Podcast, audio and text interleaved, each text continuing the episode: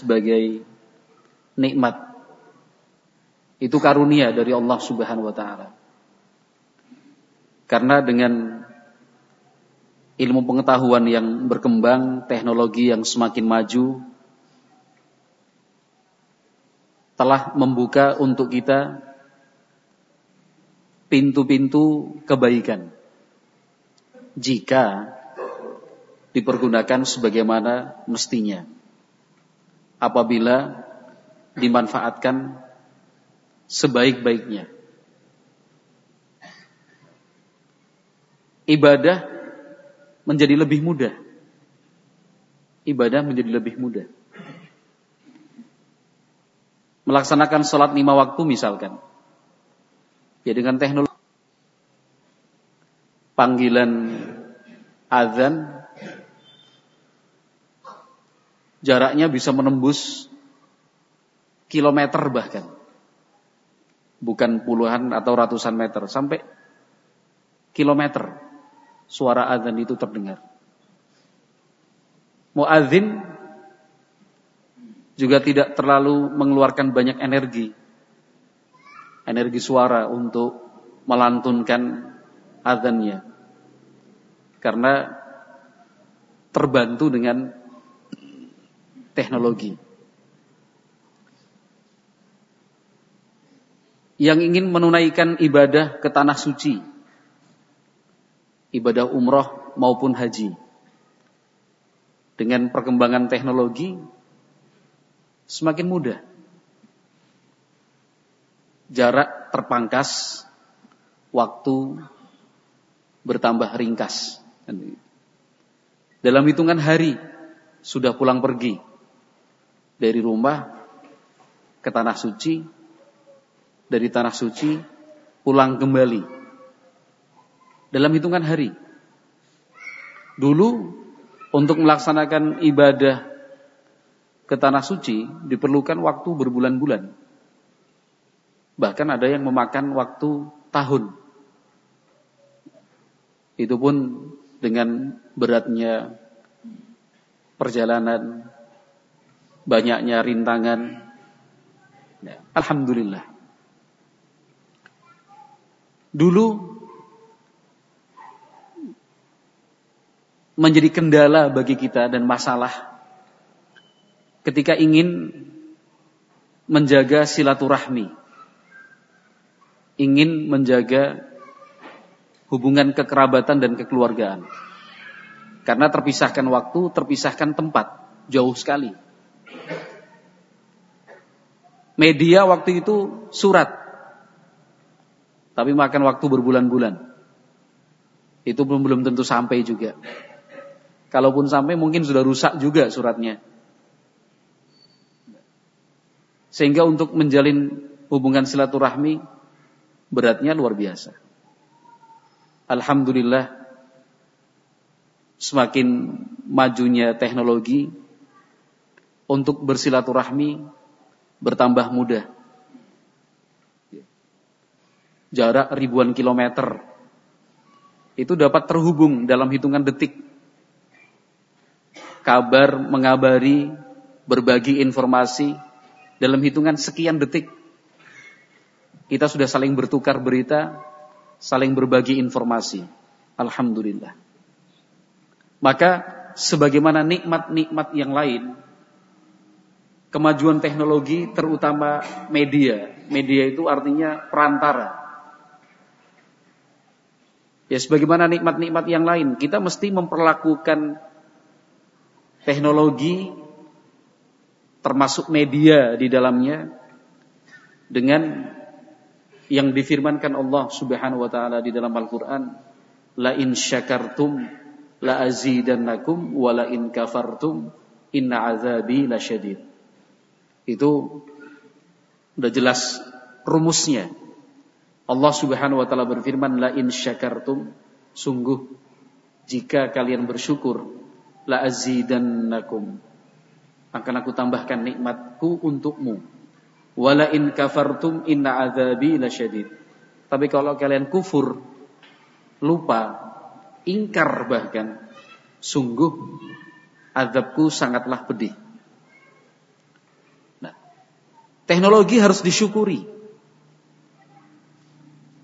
Media yang semakin hari semakin mudah dan cepat serta murah itu pun harus disyukuri. Lalu bentuk bersyukurnya seperti apa? Ya sama pembahasannya dengan nikmat-nikmat yang lain. Nikmat kesehatan, nikmat harta, nikmat keluarga, nikmat ilmu, nikmat anak. Cara bersyukur sama.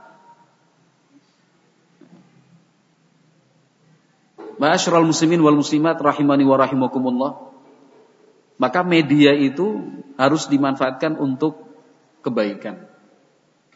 Hal-hal yang bersifat ma'ruf. Tidak sebaliknya. Media malah digunakan dan disalahgunakan untuk sesuatu yang buruk. Ya. Membunuh karakter. Menjatuhkan martabat seseorang memfitnah, menyebarluaskan isu, memancing kerusuhan, menebarkan benci dan dendam, mengadu domba. Ini cara yang salah dalam menggunakan media. Media yang Allah berikan untuk kita. Banyak karena sekali lagi yang namanya media itu artinya perantara. Media itu bisa dalam bentuk tulisan, bisa dalam bentuk suara. Kemudian mengalami perkembangan. Kalau dulu tulisan, kemudian dikirim, titipkan orang. Sekarang yang terbaru, tulisan yang cukup diketik, sudah muncul di layar, kirim. Itu pun sekarang berkembang lagi sudah ada kamus otomatis baru nulis B, BE sudah ada pilihan belajar, belanja, belum. Tinggal pilih tek muncul di layar. Ya kan? Kamus otomatis, diktenari otomatis. Ya kan? Sekarang lain lagi. Semakin lebih mudah lagi. Gak perlu ngetik. Gak perlu mengetik, gak perlu menggerakkan jari. Cukup ditekan, ngomong. Saya mau datang ke rumahmu nanti malam. Di layar udah tertulis, saya nanti malam mau ke rumahmu. Udah pernah lihat HP sebelum seperti itu belum? Kalau saya udah pernah. Saya udah pernah lihat HP seperti itu. Jadi nggak usah ngetik lagi gini. Kan itu. Ini HP kan itu. Ditekan, tek saya mau makan. Udah tertulis di layar, saya mau makan. Kirim. Gitu. Luar biasa. Wallahu alam. Ke depannya nanti berkembang seperti apa lagi? Ya kan? Itu kan di digunakan apa tuh namanya di, dibuat untuk mereka yang pengen nyambi sambil nyopir sambil kerja ya kan jadi nggak usah ribut gini waduh salah tulis salah tulis ah ketik salah tulis Eh cukup pegang tek. Yang penting ngomongnya jelas, ya kan? Yang penting ngomongnya jelas. Pesan es pisang hijau berapa porsi? Kan. Udah tertulis di layar. Pesan pisang hijau berapa porsi? Kirim tek. So, itu media. Ya kan? Ada media dalam bentuk tulisan, ada media dalam bentuk su suara. Ma'asyiral muslimin wal muslimat rahimakumullah. Di zaman sekarang ini yang terjadi itu perang media. Perang media. Siapa yang bisa menguasai media, dia yang menang. Siapa yang bisa menguasai media, dia yang menang. Kenapa? Karena media itu punya kemampuan untuk mempengaruhi dahsyat sekali. Mempengaruhinya dahsyat sekali. Tidak perlu apa namanya mendidik banyak orang dijadikan kuat, tangguh, berani untuk melakukan misi, merusak, menyerang, nggak perlu. Cukup dengan media itu. Nah, Apalagi kalau media itu diulang, diulang, diulang, diulang, diulang. Inti dan temanya sama, tapi bungkus dan covernya yang berbeda. Itu punya daya pengaruh yang luar biasa. Sehingga di antara prinsip orang-orang Yahudi itu, yang namanya kedustaan, kalau diulang sampai seribu kali, berubah menjadi sebuah kebenaran. Kedustaan diulang-ulang, diulang-ulang, diulang-ulang sampai seribu kali, itu bisa berubah menjadi apa? Sebuah kebenaran. Artinya apa? Daya pengaruhnya seperti itu. Daya pengaruhnya seperti itu. Misalkan kita ingin menjatuhkan nama baik seseorang. Ada orang baik. Luar biasa baiknya udah kita sepakat orang itu baik. Nah, orang itu baik. Kemudian karena ingin dijatuhkan nama baiknya, diinformasikan melalui media yang ada, dimaksimalkan media yang ada itu. Pesan singkat. Kan itu. Si A misalkan orang baik, kemudian diberitakan si A selingkuh. Pertama orang masa sih orang baik selingkuh? Jelas orang baik sobone masjid kok. Menahan pandangan apa segala macam. Dapat berita lagi selingkuh, selingkuh, selingkuh, selingkuh, selingkuh, selingkuh. Ada yang lewat SMS, ada yang lewat WA, ada yang lewat Telegram, ya kan? Ada tambahan lagi dengan bahasa sedang punya masalah dengan keluarganya, oh kan? Nanti ada lagi beritanya, ada yang mengaku, ada yang ini. Sampai seribu kali, seribu kali diulang, diulang, diulang, diulang, diulang, diulang. Tambahi komentar lagi, tambah lagi, selesai sudah, habis. Orang yang sudah terlanjur mendengar, orangnya. Kenapa? Karena kita sendiri yang mendengar informasi itu nggak mau cross check, benar atau tidaknya. Kita sudah berpuas dan merasa cukup dengan isi media. Maka media itu diperebutkan untuk dikuasai. Diperebutkan untuk dikuasai. Yang pegang media, dia bisa menggenggam dunia. Tapi siapa pun yang punya niatan jelek, memiliki tujuan yang buruk, Allah Subhanahu wa taala berfirman, "Wala yahiqul makrus sayyi'u illa bi ahli." Siapa pun yang punya rencana jelek, keinginan yang buruk, yang menanggung akibatnya bukan orang lain, dia sendiri. Cepat atau lambat, dunia ataupun di akhirat. Ma'asyiral muslimin wal muslimat rahimani wa rahimakumullah. Ada banyak sisi dan banyak hal yang bisa kita angkat ketika berbicara tentang media. Media itu ada media massa. Media massa itu ada media cetak, ada media elektronik. Kan itu, media massa. Sekarang muncul lagi media sosial, lain lagi. Ada media massa, cetak elektronik, setengah cetak, setengah elektronik juga bisa. Kemudian muncul lagi sekarang media sosial. Media sosial banyak sekali. Yang kita kenal kan cuma WhatsApp. Ada WhatsApp, ada Telegram, ada Line, ada Kakao, ya kan? Ada Skype, macam-macam. Kan ada Twitter. Mungkin ada di antara panjenengan yang baru mendengar kakao. Apa sih kakao itu? Nggak usah tahu lah. Yang jelas banyak media-media sosial itu yang digunakan. Ya Facebook sudah cukup lama itu. Usianya tua kalau Facebook itu. Ya kan? Terus terus. Ada yang produk lokal buatan anak-anak bangsa dalam negeri. Ada juga yang apa? di transfer dari luar negeri. Semuanya ingin mengambil peran tersendiri dengan tujuan masing-masing. Dengan tujuan masing-masing. Ma'asyiral muslimin wal muslimat rahimakumullah. Satu hal yang harus kita perhatikan. Satu hal yang harus kita perhatikan dan mesti kita praktekkan. Teliti dan selektif di dalam menerima dan atau menyampaikan informasi. Menerima dan atau menyampaikan informasi. Artinya menerima dan menyampaikan. Menerima saja atau menyampaikan saja. Itu harus teliti dan selektif. Maka agama kita itu agama sempurna. Sebelum adanya media massa, media sosial, agama kita, agama Islam itu sudah memberikan rambu-rambunya. Walaupun nanti teknologi terus bertambah maju, rambu-rambu itu ya tetap harus kita perhatikan. Agama kita sempurna, sesempurna-sempurnanya. Nah. Para peneliti dan pengamat media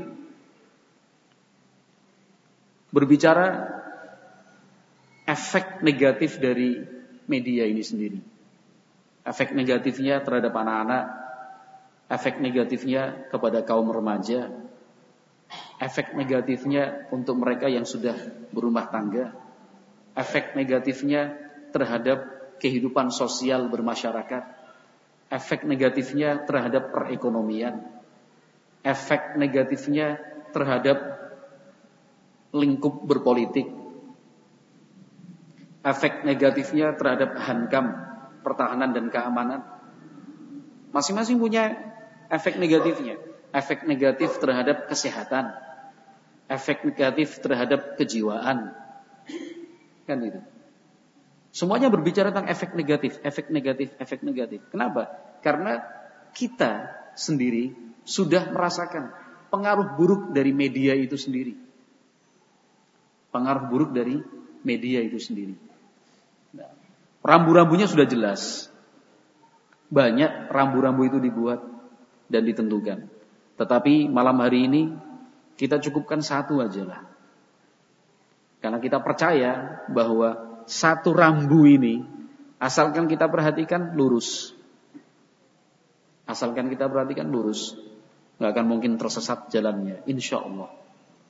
Alimah Muslim rahimahullah meriwayatkan sebuah hadis di dalam As-Sahih dari sahabat yang mulia Abu Hurairah radhiyallahu anhu. Anna Nabiya sallallahu alaihi wasallam qaal Nabi Muhammad alaihi salatu wasallam bersabda kafa bil mar'i kadhiban. An yuhadditha bi kulli ma sami'a. Rambunya singkat sekali. Menjawab semua hal di atas tadi efek negatifnya terhadap ini ini ini ini ini ini Bisa dijawab dengan satu hadis Nabi Shallallahu Alaihi Wasallam. Kata Rasulullah Shallallahu Alaihi Wasallam, kafa bil mar'i kadiban. Sebagai bukti bahwa seseorang itu berbohong, cukup dengan an yuhadditha bi kulli ma Ketika dia punya watak, sifat dan kebiasaan an yuhadditha bi kulli ma sami. Setiap yang dia dengar, dia ceritakan ulang. Artinya apa? Tidak selektif, nggak ketat. Pokoknya dapat kirim. Dapat kirim. Ada perintah viralkan, viral. Share, share. Bagi, bagi. Dia nggak berpikir efeknya nanti seperti apa. pengaruh yang timbul itu bagaimana? Dampak buruknya bagaimana? Dia nggak peduli. Dia nggak peduli. Yang penting kirim. Contohnya banyak, nggak bisa disebutkan.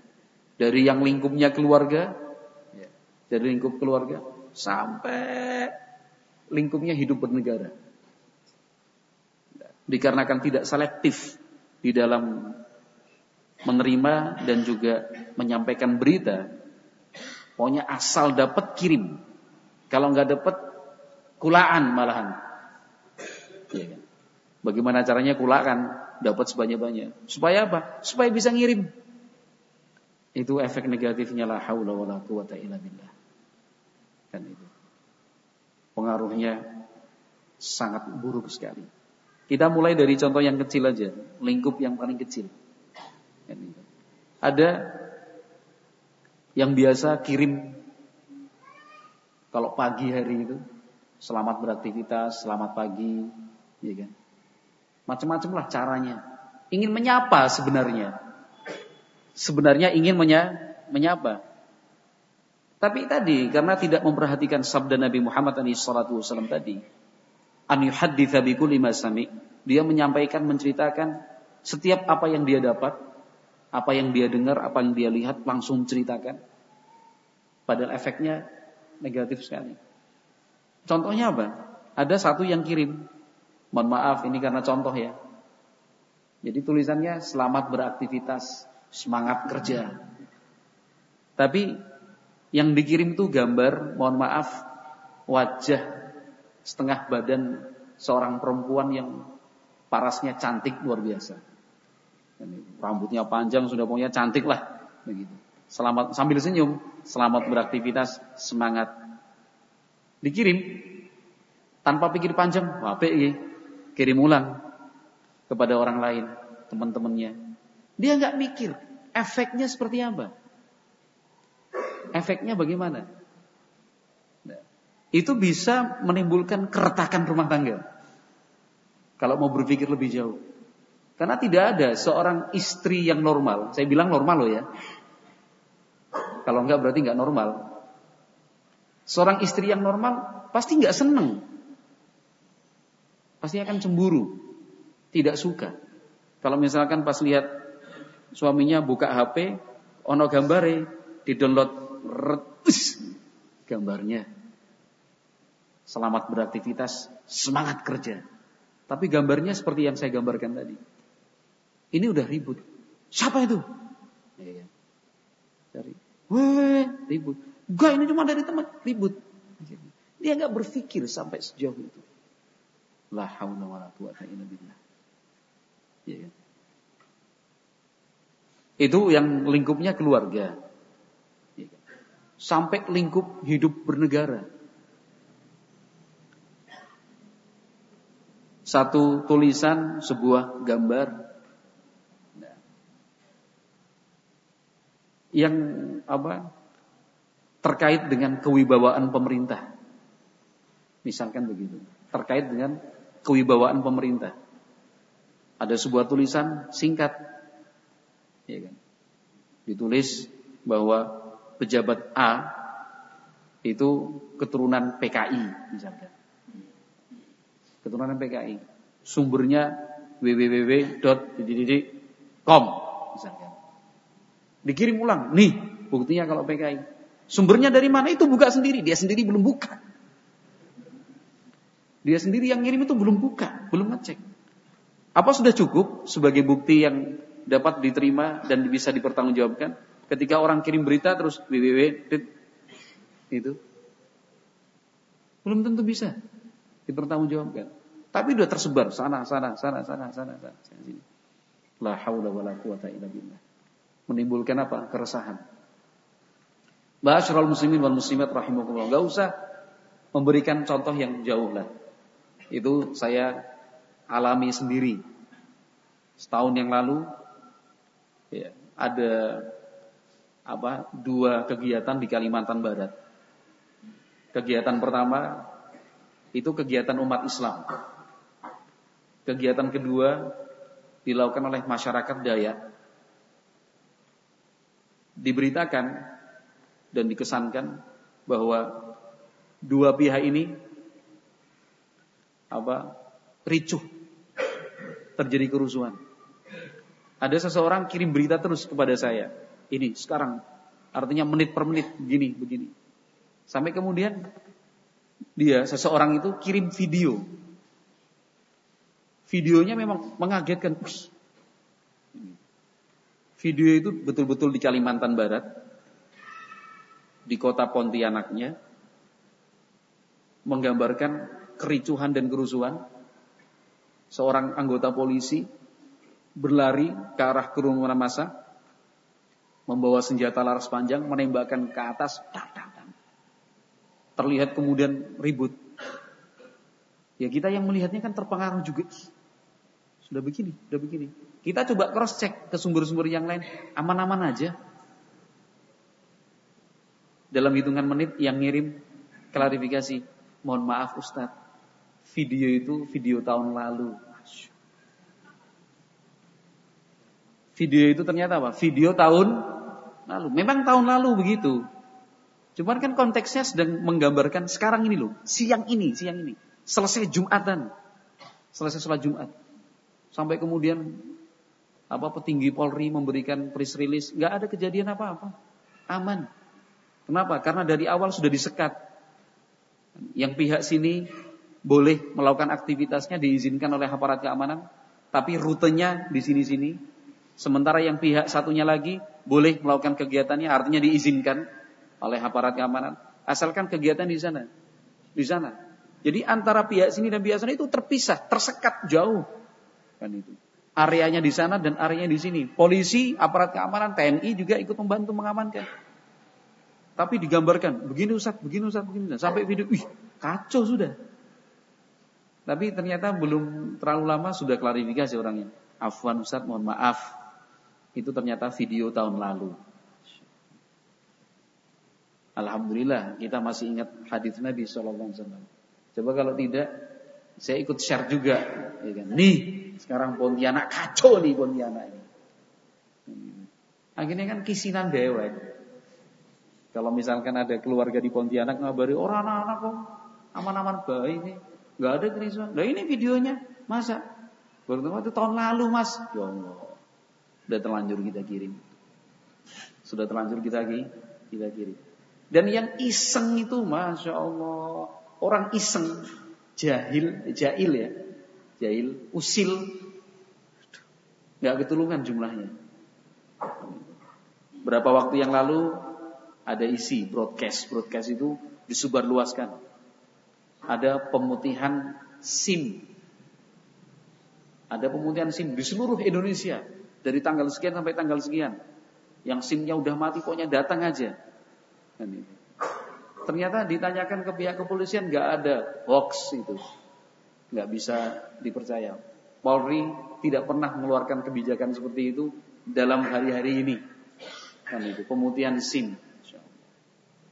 Yang berapa waktu yang lalu yang sempat rame juga tulisannya Bismillahirrahmanirrahim Innalillahi wa inna ilaihi rajiun Rajiun turut berduka cita atas kepergian salah satu putra terbaik bangsa ini Insinyur Haji Baharudin Yusuf Habibi Diberitakan beliau meninggal dunia itu. tersebar asal sebar aja setelah diprotes, dikritik, itu hoax masih sehat-sehat aja kok beliaunya. Oh ya, maaf. Enak banget ngomong maaf. Setelah menyebarkan berita bohong, cuma sekedar maaf. Belum cukup, harus bertaubat kepada Allah Subhanahu wa taala. Enggak cukup dengan maaf. Enggak cukup. Harus bertaubat kepada Allah Subhanahu wa taala. Kenapa? Karena berbohong itu termasuk dosa besar.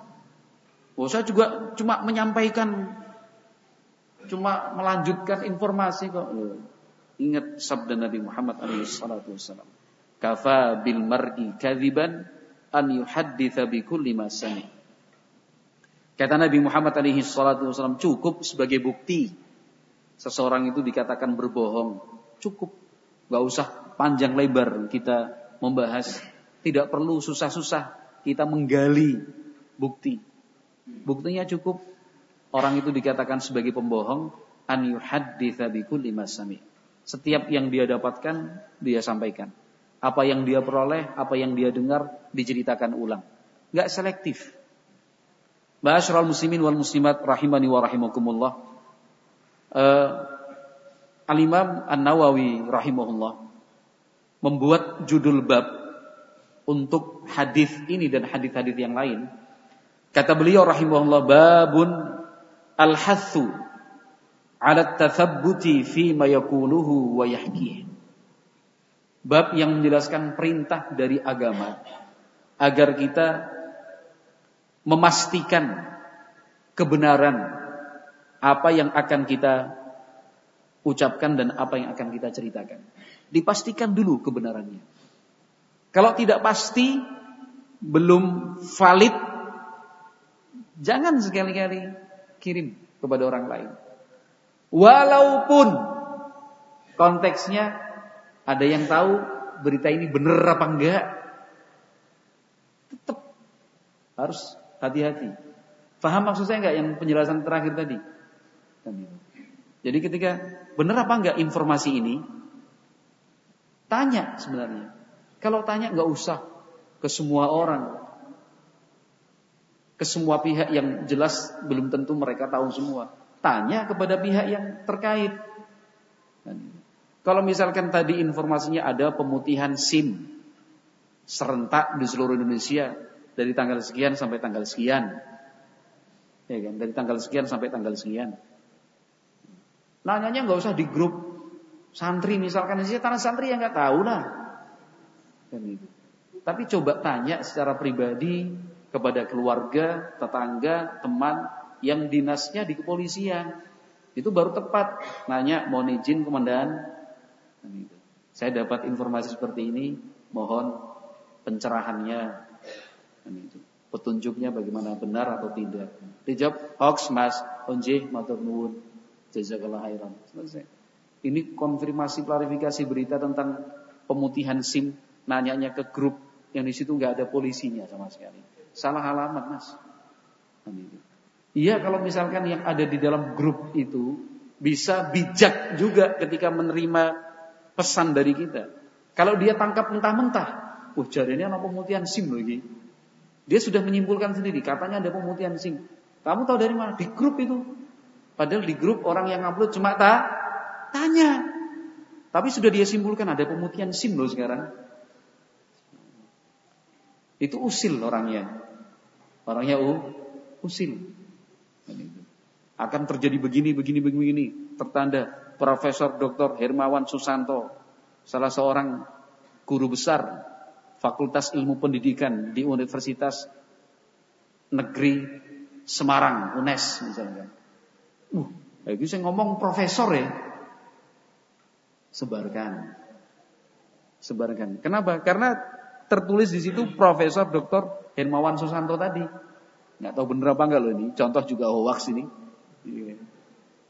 Itu sering sekali modelnya. Model hoax itu seperti itu. Tertanda. Ini, ini. Itu sih ngomong profesor ini. Loh, ini profesornya ada apa enggak? Kalau memang ada, benar enggak profesor ini yang menulis? Kan begitu. Bukan, oh ini yang nulis profesor. Ya harus dibuktikan dulu. Cek. Dicek. Misalkan kita cek ke Universitas Negeri Semarang. Langsung ke Fakultas Ilmu Pendidikannya. Karena ada nomor teleponnya resmi. Tanya, ada nggak di situ guru besar namanya Profesor Dr. Hermawan Susanto. Gak ada mas, gak ada. Dicek lagi tolonglah. Gak ada mas. Kalau mas tidak percaya coba lihat website kami. Fakultas Ilmu Pendidikan. Universitas Negeri Semarang. Silakan ini alamat website kami. Dicek. Gak ada di situ. Hoax lagi. Terlanjur kita sebarluaskan. Dan yang seperti ini selalu, selalu, sering, sering, dan sering. Nah, apalagi Masyarul muslimin wal muslimat rahimani wa rahimakumullah. Kalau sudah kaitannya dengan apa? Agama. Kalau sudah kaitannya dengan agama, harus lebih selektif lagi. Jangan asal terima. Yang namanya foto itu bisa diedit. Yang namanya video itu bisa di dubbing suara, bisa dicampurkan, video juga bisa direkayasa. Semuanya bisa. Semuanya bisa. Harus selektif, apalagi terkait dengan nama baik seseorang. Lebih-lebih lagi itu adalah pemerintah kita. Harus selektif, betul-betul selektif. Tahan tangan, tahan mulut. Jangan sampai seperti yang diperingatkan oleh Nabi Muhammad SAW. Kafa bil mar'i kadziban an yuhadditha bi kulli sami.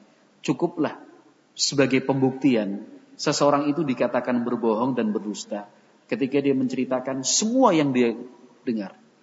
Asy-Syaikh Al-Utsaimin Muhammad bin Shalih Al-Utsaimin rahimahullah beliau menjelaskan tentang hadis ini yakni maksudnya annal insan idza sara yuhadditsu bi kulli ma sami min ghairi tathabbutin wa ta'annin fa innahu yakunu urdatan lil kadhib wa hadha huwa al waqi' Syekh Muhammad bin Salih Al-Utsaimin rahimahullah menjelaskan, maksud dari hadis ini apabila seseorang memiliki kebiasaan untuk bercerita, menyampaikan apa yang dia dapat dan dia dengar. Min ghairi tathabbutin wa ta'annin. Tanpa cross check, tanpa ada upaya memastikan benar tidaknya informasi tersebut. Kalau ini menjadi sifatnya, kata Syekh Al-Utsaimin, fa innahu yakunu urdatan lil kadhib. Ini pasti berpotensi berbohong. Ada potensi berbohong. Wa hadza huwal waqi' dan ini faktanya. Tidak terbantahkan faktanya. Ya. Ini fakta. Kalau misalkan orang itu menyampaikan informasi tanpa klarifikasi, ya tanpa dia berusaha memastikan benar dan tidaknya, nah, hanya kan, oh ini yang kirim teman saya ya, iya semuanya teman. Tapi perintah di dalam agama tasabut, cross check dulu, cek validitasnya, akurat atau tidak, diperiksa sumbernya benar atau tidak. Tapi kalau yang cuma asal copy paste, terima kemudian men-share itu sudah bisa dipastikan kata Syekh Al-Utsaimin wa hadza huwal waqi ini fakta. Pasti dia terjatuh dalam unsur kebohongan. Kecil besar prosentasenya sedikit banyak sering ataukah jarang tetap ini fakta yang tak terbantahkan. Pasti ada unsur kebohongannya di situ. Walihada yaji'u ilaika ba'dun nas yaquluna sara kadza wa kadza. Oleh karena itu ada sebagian orang datang bertemu dengan kita langsung bercerita, sara kadza wa kadza. Sekarang begini loh, sekarang begini loh. Thumma idza bahasta wajadta annahu lam yakun. Tapi setelah engkau periksa, kesimpulannya tidak seperti yang dia informasikan. Gak ada peristiwa seperti itu. Nanti kalau tanya, oh nggak bener berita kamu, aku cuma juga dapat dari orang lain, oh. Ya berarti kamu pembohong. Oh, berarti kamu mau pembohong. Ya, ya, begitu kenyataannya. Kalau bukan bohong apa namanya itu?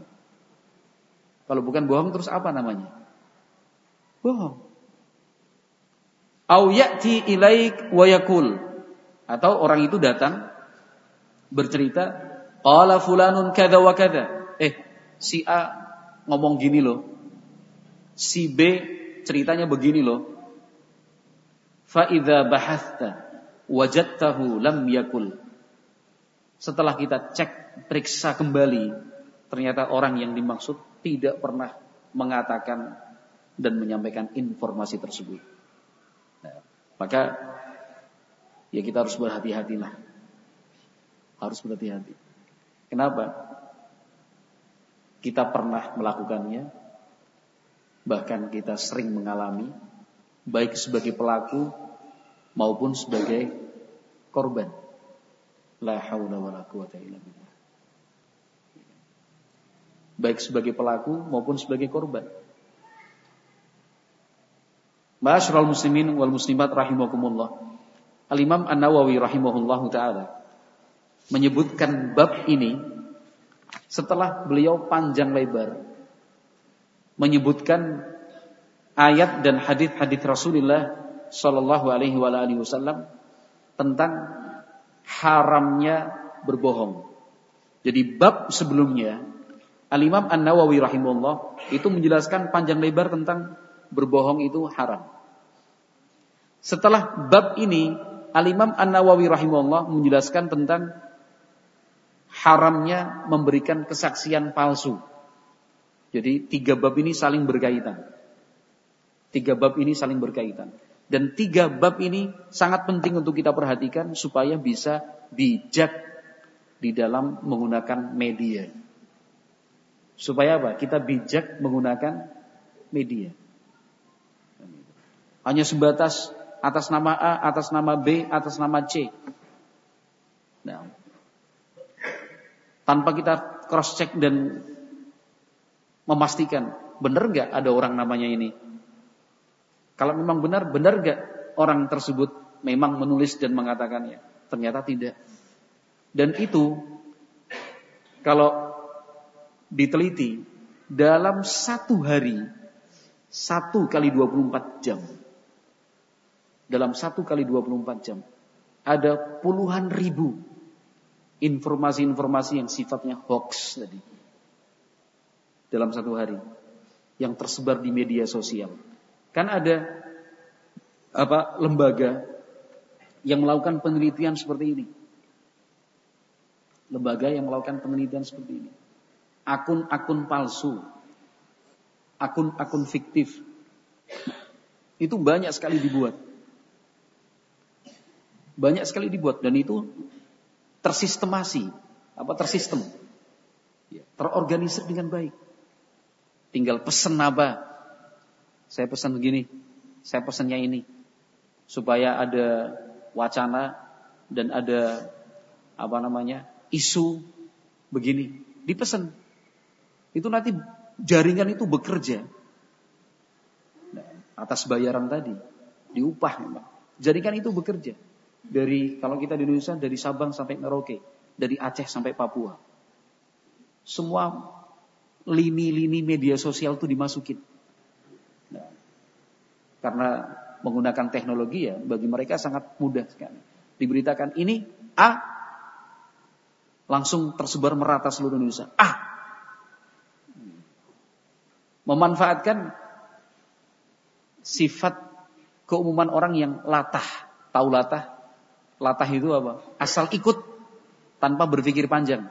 Orang ngomong A, A. Orang ngomong B, B. Tanpa kita sadari, dan banyak juga di antara kita yang sadar tapi tetap terus jadi korban. Kita itu jadi korban media. Apa yang kita baca itu yang kita ikuti. Apa aja. Contoh yang paling mudah lah. Contoh yang paling mudah itu yang om, telolet om. Latah, Indonesia latah. Ya kan? Akhirnya anak-anak udah ke mana aja kita pergi anak-anak kumpul di pinggir jalan sambil bawa tulisan bukan cuma anak-anak sing tua ya pada baik. Ya kan? Anak-anak terutama itu bawa apa namanya kertas karton, kerdus bekas mie itu, tulis gitu. Om, telolet om. Hilang sekarang hilang. Mana ada bekasnya? Gak ada bekasnya. Ya kan? Itu contoh sederhana. Contoh yang dekat dengan kita.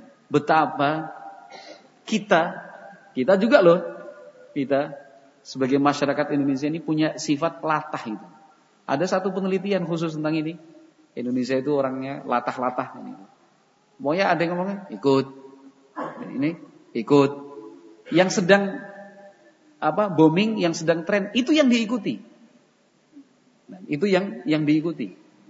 Ya, contoh yang paling mudah tadi, om, telolet om, diikutin semua. Ya, La haula wala quwata illa billah. Maka pesan dari Nabi Muhammad alaihi salatu wasallam ini penting. Ini dosanya besar loh. Dosanya besar. Apalagi kalau kaitannya tentang apa? Agama. Berbicara tentang agama. Contoh sekarang ini mulai dari bulan Rajab kemarin, Rajab. Kemudian masuk di bulan Sya'ban. Itu broadcast tentang keutamaan bulan Rajab dan bulan Sya'ban banyaknya luar biasa. Ya kan? Banyaknya luar biasa. Barang siapa melakukan ini ini sholat sunnah pada malam nisfu sya'ban itu pada tanggal pertengahan Rajab akan mendapatkan pahala begini begini begini begini. Dosanya akan diampuni sebarkan buat saudara-saudara kita yang lain. Padahal setelah kita teliti tidak ada dasarnya. Tidak ada dasarnya. Setelah kita cross check kembali sumbernya mana? Nggak ada. Orang usil iseng. Tapi keisengannya tadi kemudian apa? Tersebar sampai ke mana-mana. Pengaruhnya juga dahsyat. Ada yang terpengaruh sampai kemudian ikut mengamalkannya. Masya Allah. Mengucapkan tasbih sampai 3003 kali. Ya, harus bilangannya jangan yang genep-genep gitu. Orang nggak mudah percaya. Tapi yang ganjil-ganjil 3003 kali. 3000 lebih 3. Jadi ngitungnya, waduh berapa tadi? dikerjain. Dikerjain itu ya kan. Akhirnya supaya nggak salah hitung pakai ceklek ceklek ceklek dia kan. Ini. Subhanallah, subhanallah, subhanallah. Macet. Itu. Masalah lagi, ya kan. Termakan apa tadi? Informasi tidak berdasar tadi. Terkait dengan apa? Terkait dengan aga, agama. Kalau ini secara khusus besok pagi pembahasannya. Hukum mengamalkan hadis dhaif besok pagi pada subuh insyaallah taala. Tapi kalau malam hari ini secara khusus kita berbicara tentang apa? Supaya bisa bijak dalam menggunakan media. Itu tadi kan contoh yang salah dan keliru. Contoh yang salah dan keliru dalam menggunakan apa? Medi media. Kita perlu contoh yang apa? benar dan baik dalam menggunakan media. Media yang kita miliki sekarang itu mestinya digunakan untuk hal-hal yang diridhoi oleh Allah Subhanahu wa taala. Contohnya apa? Menyambung silaturahmi. Silaturahmi yang saya maksud di sini adalah silaturahmi dalam pengertian bahasa Arab dan juga dalam pengertian syar'i. Silaturahmi itu adalah menjalin hubungan kekerabatan yang masih satu nasab, yang masih satu rahim. Karena kalau dalam bahasa kita, yang namanya silaturahmi itu bukan hanya untuk kerabat dan keluarga, ke tetangga yang nggak ada hubungannya apa-apa, juga namanya silatur rahmi kan itu. Mohon maaf Pak J, wonten dawuh napa niki mboten namung ngajeng silaturahmi biasa. Tapi yang saya maksud di sini silaturahmi dalam pengertian syar'i. Siapa yang dimaksud? Mereka-mereka saudara-saudara kita yang masih punya hubungan nasab dan juga punya hubungan rah, rahim.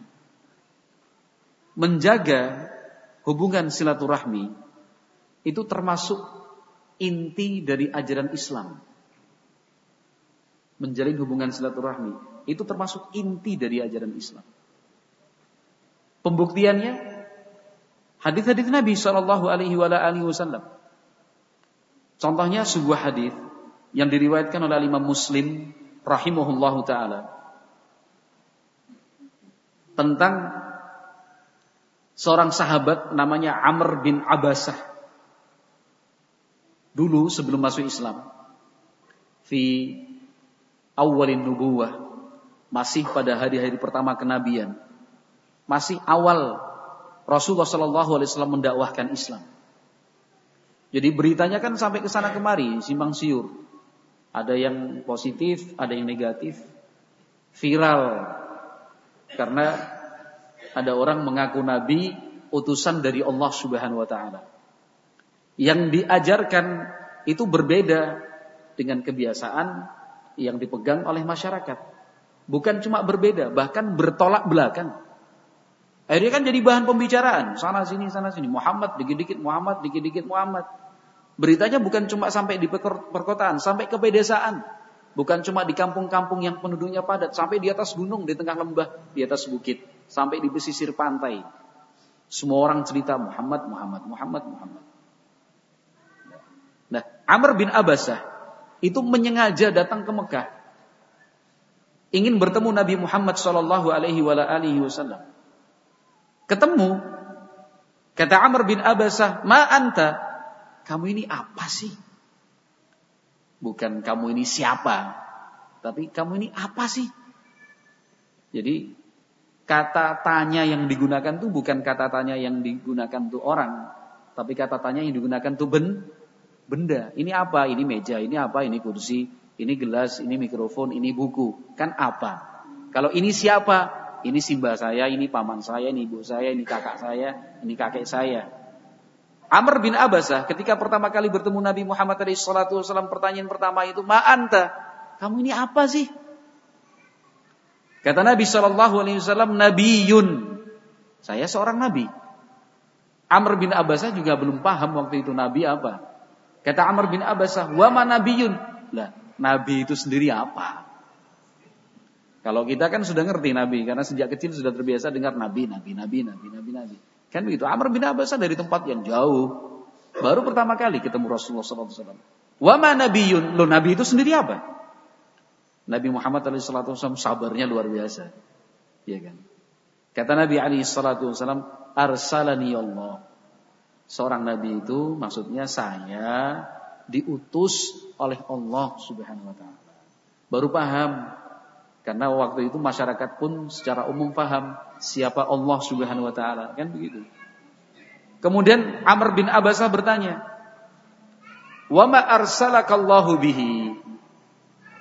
Lalu apa yang Allah perintahkan kepadamu supaya engkau sampaikan kepada umat manusia? Ajaran-ajaran Islam itu apa? Nabi Muhammad alaihi salatu menjawab, perhatikan baik-baik. Kata Nabi alaihi salatu wasallam, "Arsalani bisilatil arham." wa an yuwahhadallah wa la yushraka bihi syai'un. Kata Nabi Muhammad alaihi salatu wasallam, saya diutus Allah Subhanahu wa taala untuk mengajak umat menjalin dan menjaga silaturahmi. Jawaban pertama Nabi wasallam. Kemudian kata Nabi alaihi salatu wasallam, wa an yuwahhadallah. Allah ditauhidkan wala bihi syai'un dan tidak dipersekutukan. Tapi ingat, jawaban pertama ini disampaikan Nabi, disampaikan Nabi apa? Bisilatil arham. Allah utus saya untuk mengajak umat manusia menjaga silaturahmi, menghubungkan silaturahmi. Dan masih banyak hadis-hadis yang lain. Al Imam An Nawawi mengumpulkannya sampai belasan hadis tentang silaturahmi. Tapi ini cukuplah sebagai bukti bahwa menjaga dan menjalin silaturahmi itu termasuk inti dari ajaran Islam.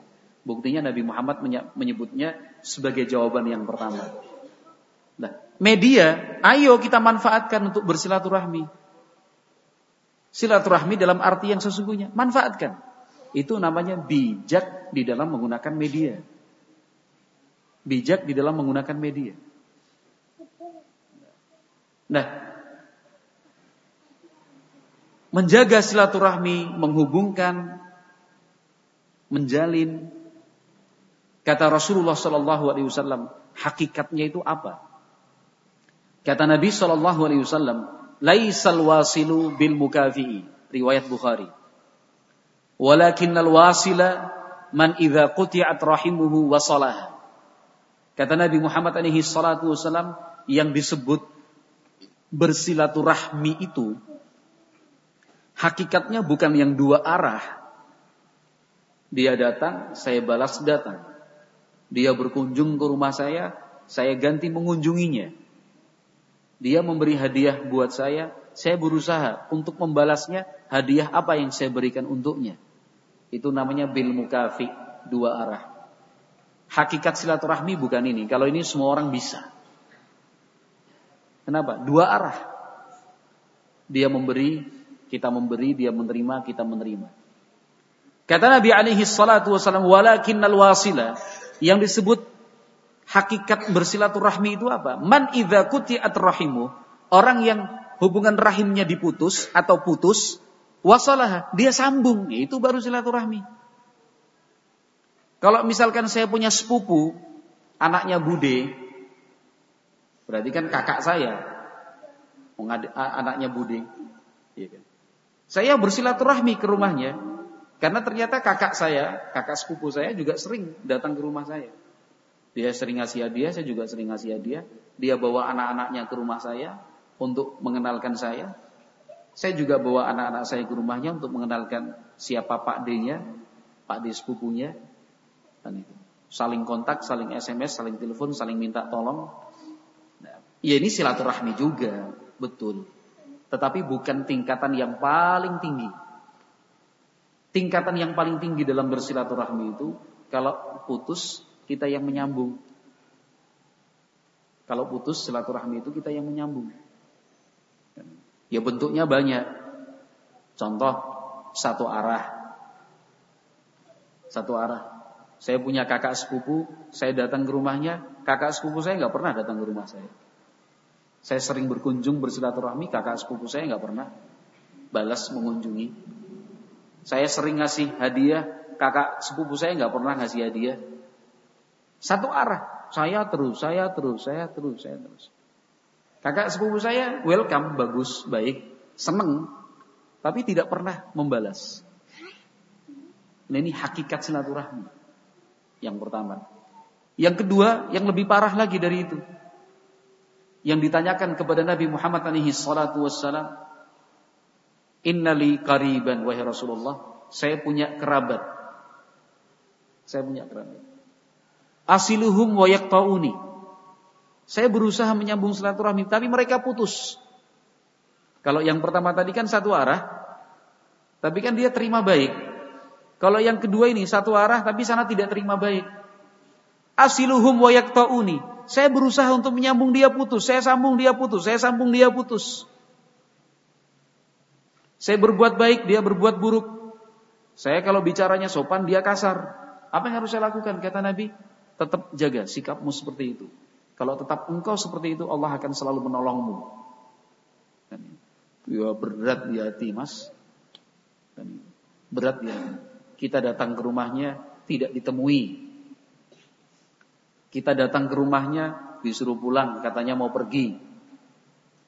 Pengen datang ke rumahnya, kan itu. Baru ngomong sebentar, wes mas, wes suwe lagi, dan Bali kono. Iya kan? Kita datang ke rumahnya cuma dicaci maki.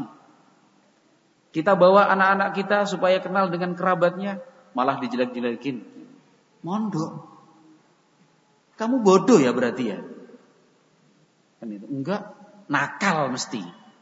Enggak. Lah kok mondok? Emang dia pikir mondok itu cuma buat anak bodoh kali ya? Dia pikir yang namanya mondok itu cuma buat anak-anak nakal. Kan menghina. Udah kamu gak, usah, gak usah ikut bapakmu, ikut Pak D aja. Tak biayai sekolahmu.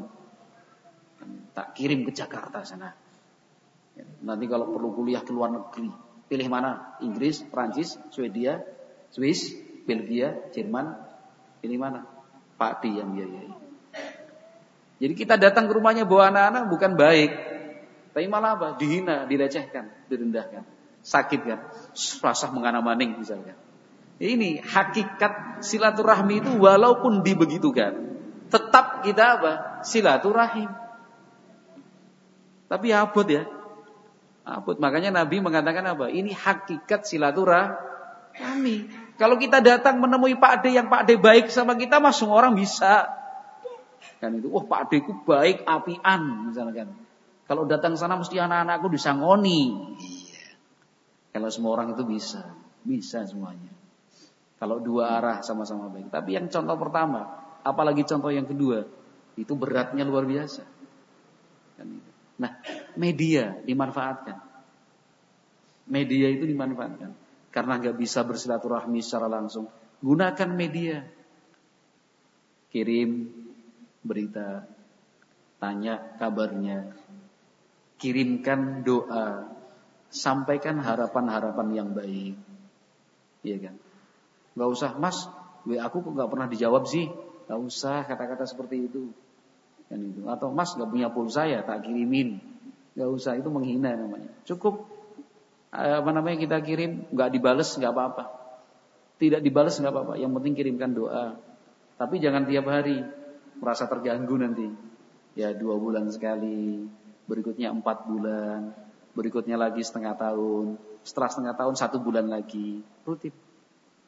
Barangkali doa-doa kita walaupun dalam bentuk tulisan Allah kabulkan. Hati yang kaku menjadi apa? cair, hatinya yang keras membatu akhirnya luwes terbuka untuk kita melalui doa-doa tadi. Mudah-mudahan mas sekeluarga, kakak apa kakak sepupu tadi ya, mas keluarga sehat selalu, dalam lindungan Allah Subhanahu wa taala, diberkahi dunia akhiratnya. Amin. Enggak dibales, nggak apa-apa. Karena kita ingin menggunakan apa medi? Media. Contoh yang berikutnya adalah menyambung silaturahmi yang terputus. Ini cuma orang-orang khusus. Karena bersilaturahmi itu juga bisa menjadi karakter dan pembawaan orang. Keluarga yang udah lama nggak ada beritanya, gitu. Kita cari, kita temukan. kita temui, kita sambung kembali. Gunakan media tadi. Gunakan media tadi. Suatu saat kita dipanggil sama Simba. Contoh, Le, Simba itu punya kakak laki-laki. Punya apa? Kakak laki-laki ya Simbamu juga. Udah lama sekali nggak ada kabarnya. Terus kita pundi mbak. Transmigrasi. Udah puluhan tahun saat durunge kowe lahir. Trans ke mana? Ke Jambi. Jambi. Kan itu. Terus alamatnya orang ngerti. Nggak tahu. Pokoknya dulu trans ke Jambi. Jambi luas banget. Mau cari Jambi yang sebelah mana? Pesisir sebelah mana? Ya kalau ada kesempatan kamu carilah simbahmu itu. Kakaknya siapa? Kakaknya Sim? Simbah. Berat ini. Tapi hakikat silaturahmi ingin kita cari. Ya minimalnya kita ada. Terus nama lengkapnya siapa mbah? Nama lengkapnya simbahmu itu. Namanya Suyanto Margowiyoto. Siapa tadi? Siapa? Su Suyanto apa Susanto? Simbah ini kan ya? Bukan. Suyanto Margo Wiyoto. Yang Simbah tahu cuma itu nama lengkapnya Simbahmu itu ya Suyanto Margo Wiyoto. Aduh, alamatnya oh nggak nggak ngerti, nggak ada surat, nggak pernah ngabari sama sekali. Nggak pernah, nggak ada kabar. Yang penting Simbah itu punya Kang Mas, kakangnya Simbah itu di Jambi. Kalau ada kesempatan, bu, kamu cari. Lah kinten-kinten ikut rien apa namanya? Eh, transmigrasinya kapan itu? Kapan tahun berapa ya? Pas kapal tanpa mas tenggelam itu pokoknya. Tahun berapa itu kalau tanpa mas tenggelam? Hah? Tanpa mas berapa? Dua apa satu? Tujuh? Tujuh delapan. Alhamdulillah masih ada yang ingat ini. Eh, simbah kita juga lupa tahunnya. Pokoknya pas tahun itu tampung mas tenggelam. Zaman dulu kan kalau ada berita seperti itu kan cepet ya. Oh, pas merapi jebluk misalkan. Atau pas misalkan ada lindu, ada gempa. Orang tua ngapal gitu. Pas tampung mas tenggelam pokoknya. Cari pas tampung mas. Tahun berapa? 78. Udah lama sekali pisahnya transmigrasi. Tapi karena ini mengamalkan hadis Nabi SAW, itu tadi media dipakai. Akhirnya langkah pertama apa? Ke kantor transmigrasi Kabupaten Kebumen. Pasti datanya ada, kan gitu. Datang baik-baik, ya kan. Tanya, ini mau nyambung balung yang udah terpisah ini, Pak. Maksudnya apa? Mau nyari simbah saya, udah lama nggak ada beritanya transmigrasi. Pas tahun 78 lah. Yang ke Jambi. Minta tolong dicari data-datanya. Tahun pira? Pitu wolu. Ya orang anak beritanya ya datanya. Ya mbok anak pak. Coba lah kira. Ya wis lah. Tapi kalau hari ini saya jamin gak mungkin ketemu. Seminggu-seminggu lagi ya. Ya wis lah. Seminggu-seminggu lagi. Kenapa? Dulu belum ada komputerisasi ya kan. Masih tulisan tangan. Alhamdulillah apa pegawai transmigrasi ya tenanan lah dia nyari. Mungkin bayangkan juga kalau dia cari simbahnya sendiri. Ya kan. Cek-cek gudang semua dibongkar tapi itu wolu lah. Cari ada datanya. Iya pernah ada pengiriman apa keluarga transmigrasi dari Kabupaten Kebumen ke Jambi tahun 78. Tapi cuma informasinya begitu aja daftar namanya nggak ada. Seminggu kemudian kita datang ke sana ke Pripun Pak, ada. Ada, tapi nggak ada nama-namanya. Tapi benar Pak, tahun 78 ada transmigrasi dari Kabupaten ke Jambi. Ya ada, ada. Ya paling nggak Jambinya kabupaten mana lah. Minimalnya itu. Oh kalau kabupaten ini sih ada. Ini Kabupaten Kerinci. Karena ada Gunung Kerinci kan di Jambi ya. Ini Kabupaten Kerinci, alhamdulillah, wis mending lah. Sending-sending lah. Udah ketemu, berarti memang benar ada transmigrasi. tahun 78 dari Kebumen ke Jambi. Kabupatennya mana? Kerinci tadi. Kabupaten Kerinci. Udah cukup. Selanjutnya ya kita ngecek ke sana, ada apa rezeki atau mungkin kita punya teman di sana, manfaatkan media tadi.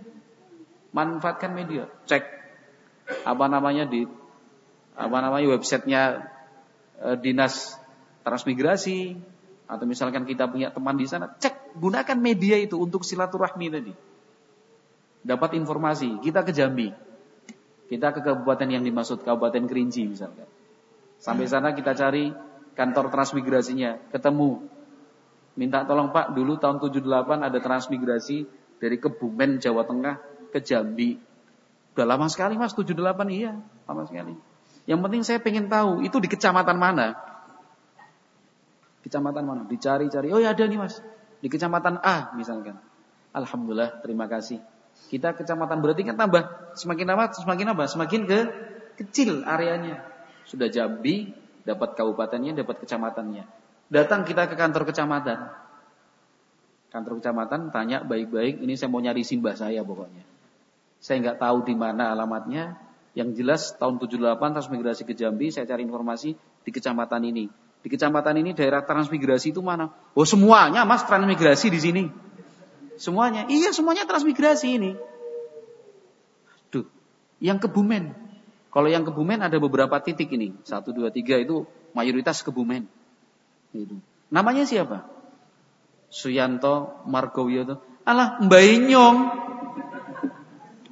Kata petugas kecamatan, Mbainyong itu. Berarti kita sedulur, iya sedulur. Ya, itu.